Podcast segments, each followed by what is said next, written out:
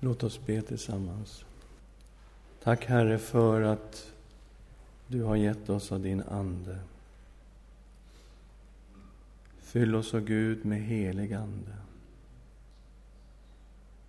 Öppna våra ögon, Herre. Tala till oss om det som hör dig till, men som berör oss så djupt. I Jesu namn. Amen.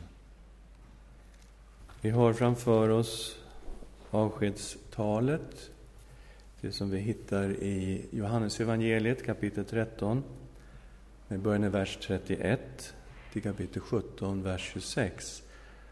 Och eh, då har jag också tagit med det 17 kapitlet som ju är egentligen Jesu förbön, men som hör ihop med avskedstalet.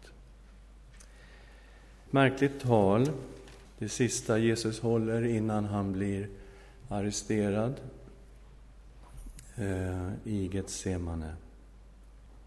Det handlar om ett avsked.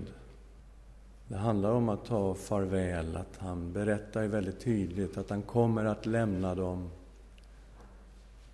Men det märkliga med det här talet är att han talar om en gemenskap som ska bli djupare eftersom han går bort. Eftersom han lämnar dem så ska han komma mycket närmare dem. Eh, så det blir väldigt motsägelsefullt hur någon tar avsked av sina lärjungar och ändå förklarar och försöker förklara att det här kommer vara på ett mycket djupare sätt eftersom jag lämnar er. Och eh, det här talet också talar om Gud. Den treenige kommer fram väldigt tydligt i det här talet. Att Fadern och Sonen är ett. Han säger, tror du inte att jag är i Fadern och Fadern är i mig? Han säger, den som har sett mig har sett Fadern. Allt vad Fadern har är mitt. Och när han ber säger han, allt ditt är mitt och allt mitt är ditt Alltså det är en fullständig enhet som uppenbaras i avskedstalet mellan Fadern, Sonen och Anden. Fadern sänder Anden i avskedstalet. Jesus ber Fadern att han ska sända Anden. Men Fadern sänder Anden i Jesu namn. Men det är också Jesus som sänder Anden i avskedstalet. Det är Fadern och Sonen som sänder Anden. Sonen är också den enda kanalen för Anden till oss människor. Vi människor som vill ha del av Gud, vill ha del av Guds ande, kan få del av Guds ande bara på en väg, genom Jesus. Det är den enda kanalen given till oss människor för att få del av Guds ande. Som Jesus säger i sjunde kapitlet i Johannes, om någon törstar så kommer han till mig och dricker. Den som tror på mig, ur hans innersta ska strömmar av levande vatten flyta fram, som skriften säger. Och detta sa han om Anden, vilka det som trodde på honom skulle få.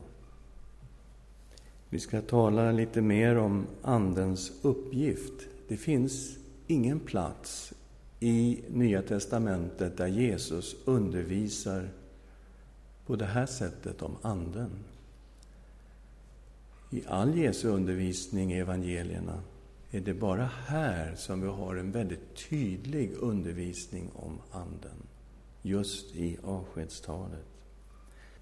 Det är också den heliga Ande som gör att den kristna tron inte i första hand är en lära om doktriner, alltså att man tror vissa läror. Den kristna tron handlar primärt om gemenskap. Gemenskap med Gud. Och det är en gemenskap som beskrivs snarare som en organisk enhet, en förening med Gud, en djup gemenskap. Och det är Anden som förklarar hur detta är möjligt. att vi kan ha denna gemenskap. Andens uppgift att vittna om Kristus och överbevisa världen. Johannes 15, 26. När Hjälparen kommer, som jag ska sända er från Fadern, sanningens ande som utgår från Fadern, då ska han vittna om mig. Hjälparen som jag ska sända, säger Jesus. Jag ska sända Anden som utgår ur Fadern. Och verbet visar här att det är någonting som utgår ur Fadern hela tiden. Dag och natt strömmar Anden ur Fadern. Hela tiden utgår Anden ur Fadern. Och Sonen sänder Anden som kommer att vittna om Sonen. Så Anden kommer för att bära vittnesbörd om Jesus. Han kommer berätta om Jesus, uppenbara Jesus. Tala om för oss vem Jesus Kristus är. Han är utsänd som ett vittne för att vittna om Kristus. Han kommer att vittna för oss, men han kommer också att vittna för människor som inte tror, som ännu inte har mött honom. I kapitel 16, vers 8. Och när han kommer ska han överbevisa världen om synd och rättfärdighet och dom. Om synd, ty de tror inte på mig. Om rättfärdighet, jag går till Fadern och ni ser mig inte längre. Om dom, till denna världens förste är dömd. Andens uppgift är att överbevisa världen om synd och rättfärdighet och dom. Förstår jag att jag är en syndare? Att jag är i behov av förlåtelse? Att jag är i behov av frälsning? Jag är i behov av en frälsare, någon som räddar mig från konsekvenserna av min egen synd. Förstår jag detta, så är det Guds ande som verkar på mig. Andens uppgift är att vittna om detta. Om synd, ty de tror inte på mig, och den yttersta konsekvensen av synden är att inte tro på Jesus. När ljuset hade kommit i världen så älskade människorna mörkret mer än ljuset eftersom deras gärningar var onda, står det i det tredje kapitlet. Det sanna ljuset, det som lyser över alla människor, skulle komma i världen. I världen var han och genom honom hade världen blivit till. Men världen ville inte veta av honom. Han kom sitt eget, hans egna tog inte emot honom. Men åt alla dem som tog emot honom gav han rätten att bli Guds barn, den som tror på hans namn.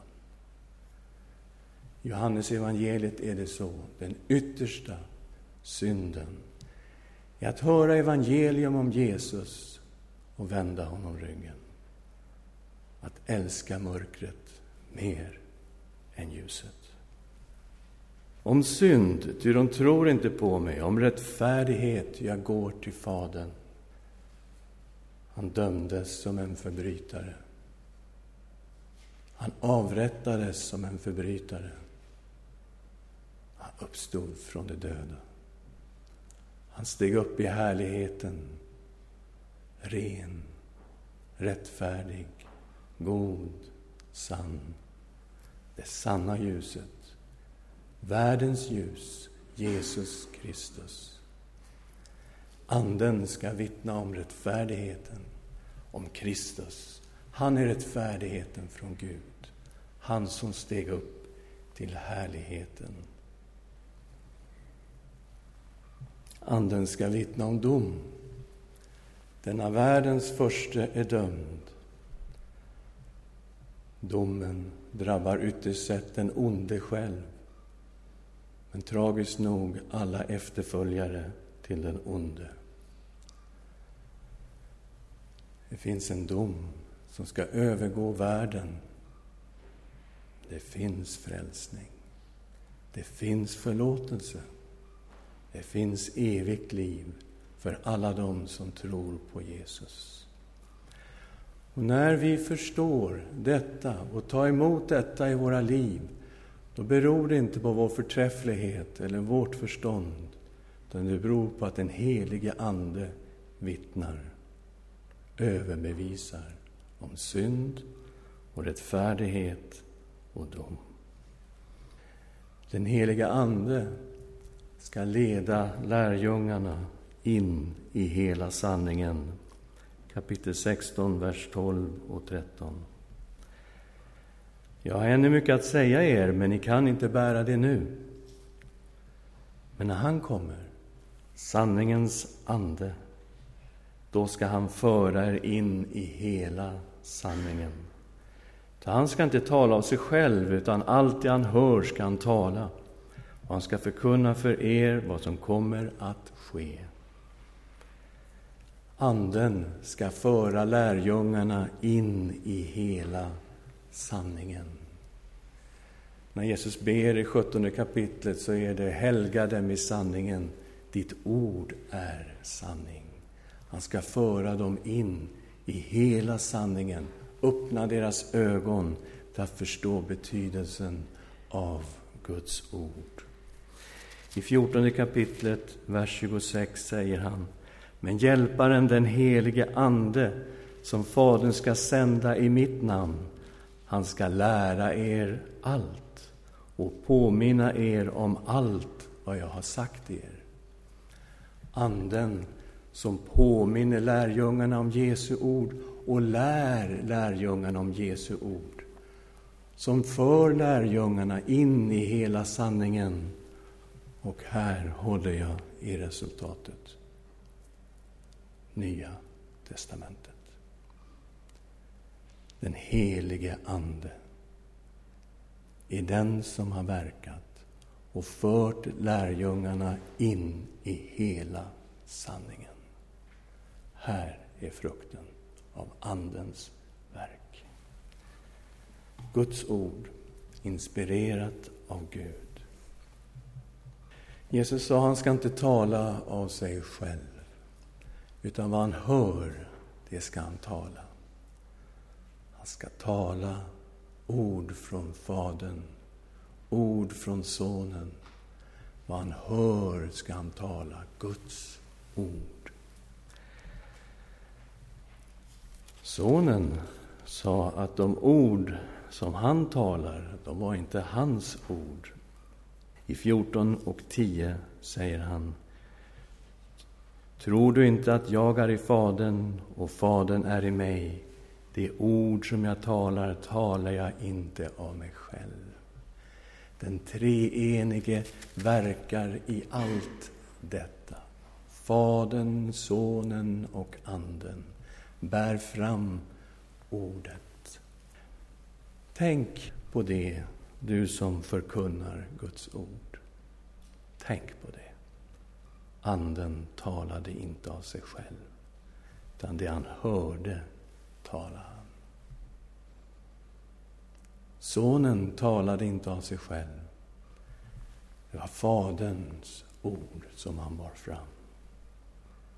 Vem är då jag om jag inte skulle tala det som är skrivet i Guds ord? Ve förkunnare som tror att deras egna ord är viktigare än det som är skrivet i Guds ord.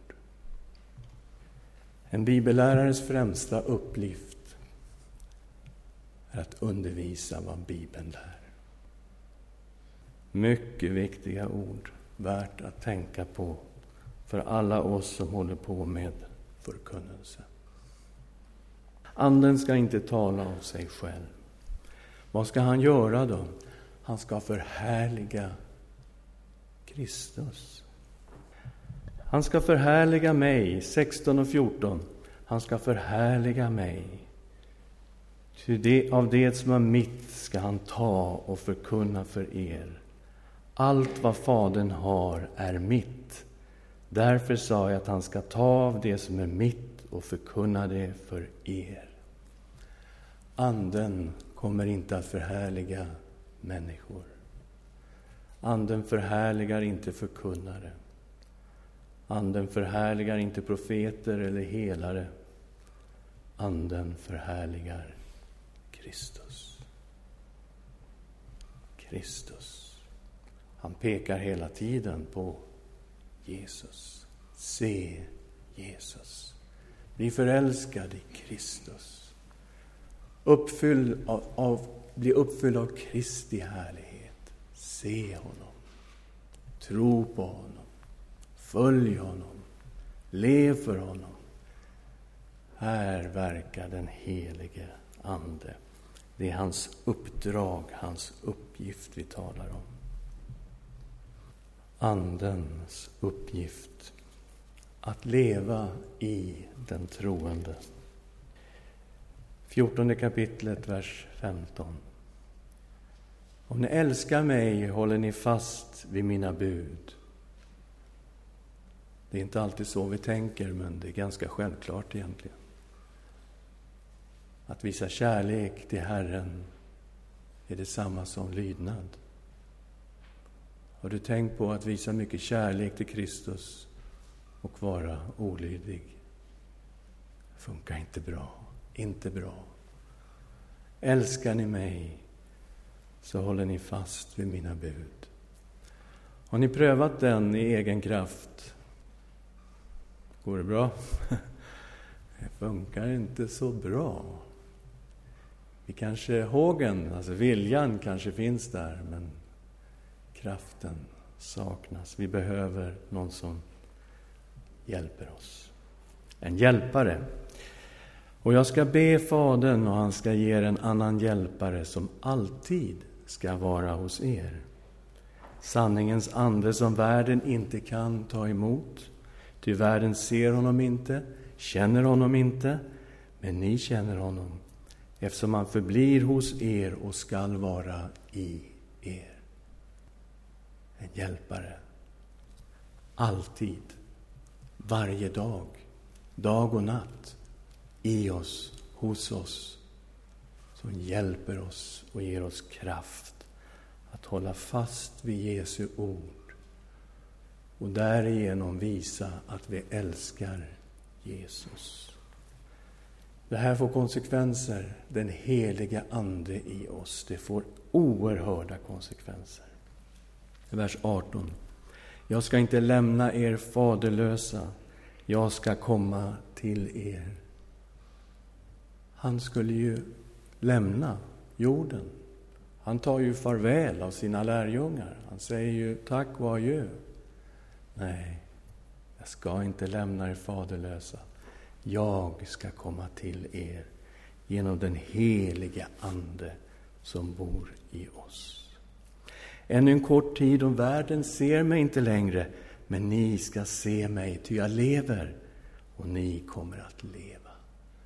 Den heliga Andes verk i oss. Världen kommer inte att se Jesus, han lämnar världen, men han kommer ju till oss. I Anden jag lever. Ni ska också leva. Den dagen ska ni förstå att jag är i min fader och att ni är i mig och jag i eder.